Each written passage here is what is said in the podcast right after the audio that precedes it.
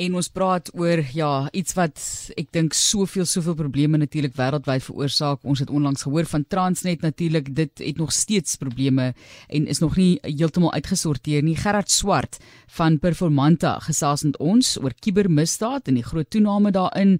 Hy is hoofverkope ingenieur en Geen net vir ons idee hoe erg is dit nou regtig en as jy vir mense net bietjie kan verduidelik wat presies is 'n kubermisdaad as jy kyk na 'n cyber attack soos wat dit in Engels is. Ek dink daar's baie mense wat nie dit tasbaar kan vasvat as 'n konsep altyd nie.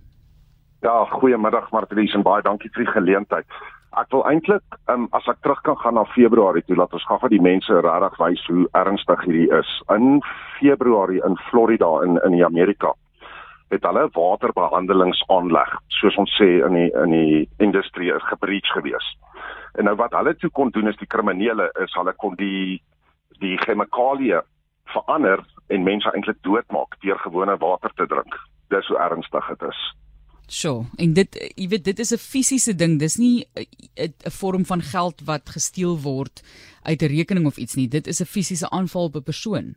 Korrek ja, dit is op die opname van um, ek het vandag jy's 'n studie gesien wat wys dat hierdie tipe aanvalle is op met 60% al vir hierdie jaar. Jo.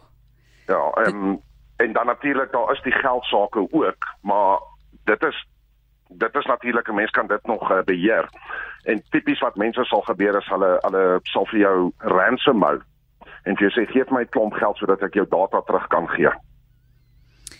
Ja, en dis al daai inligting wat mense nodig het. Ek het ag ek het eendag op televisie gekyk waar dit 'n uh, 'n besigheid is en hulle het ingegaan, al hulle inligting geneem en hulle kan nie toegang kry tot hulle eie database van kliënte en al die inligting wat hulle nodig het om hulle kliënte se sake te hanteer nie. So jy sit daarso met hierdie baie baie groot probleem en as jy sê goed, hier is die geld, waar eindig dit? Ek dink dit is seker die groot probleem vir mense. Ja nee, dit is, dit is en as jy kyk as hulle eers dit een keer gedoen het, die kans is dat hulle weer gaan inkom behalwe as jy aksie neem. En ek meen jy Transnet klaar genoem, ek meen ons kan kyk na die departement van Justice Justice ook. Hulle is ook nog steeds besig om te herstel van wat gebeur het en ek myself wat besig is met hulle te werk in 'n persoonlike aspek af maar seker van my sake is nou 'n jaar wat dit nog gaan vat voordat dit gaan afgehandel word in 'n persoonlike kapasiteit. So ja, dit dit dit is nie net oor die data wat hulle steel nie, maar ook die reputasie natuurlik en dan hoe lank hulle jou hele operasie afvat. Ja.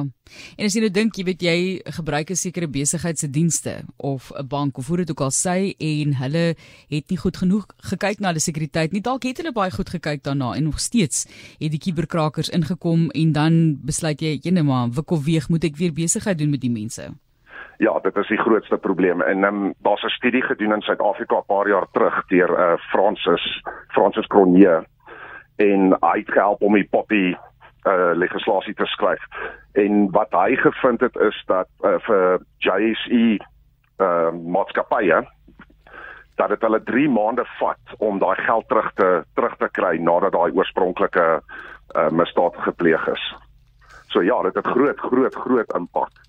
So wat wat moet gedoen word? Ons praat baie daaroor. Ek voel altyd oplossings is waarop gefokus moet word ja. en jy moet natuurlik die die probleem aanspreek eerstens, maar waar kom owerhede in by besighede se hantering hiervan?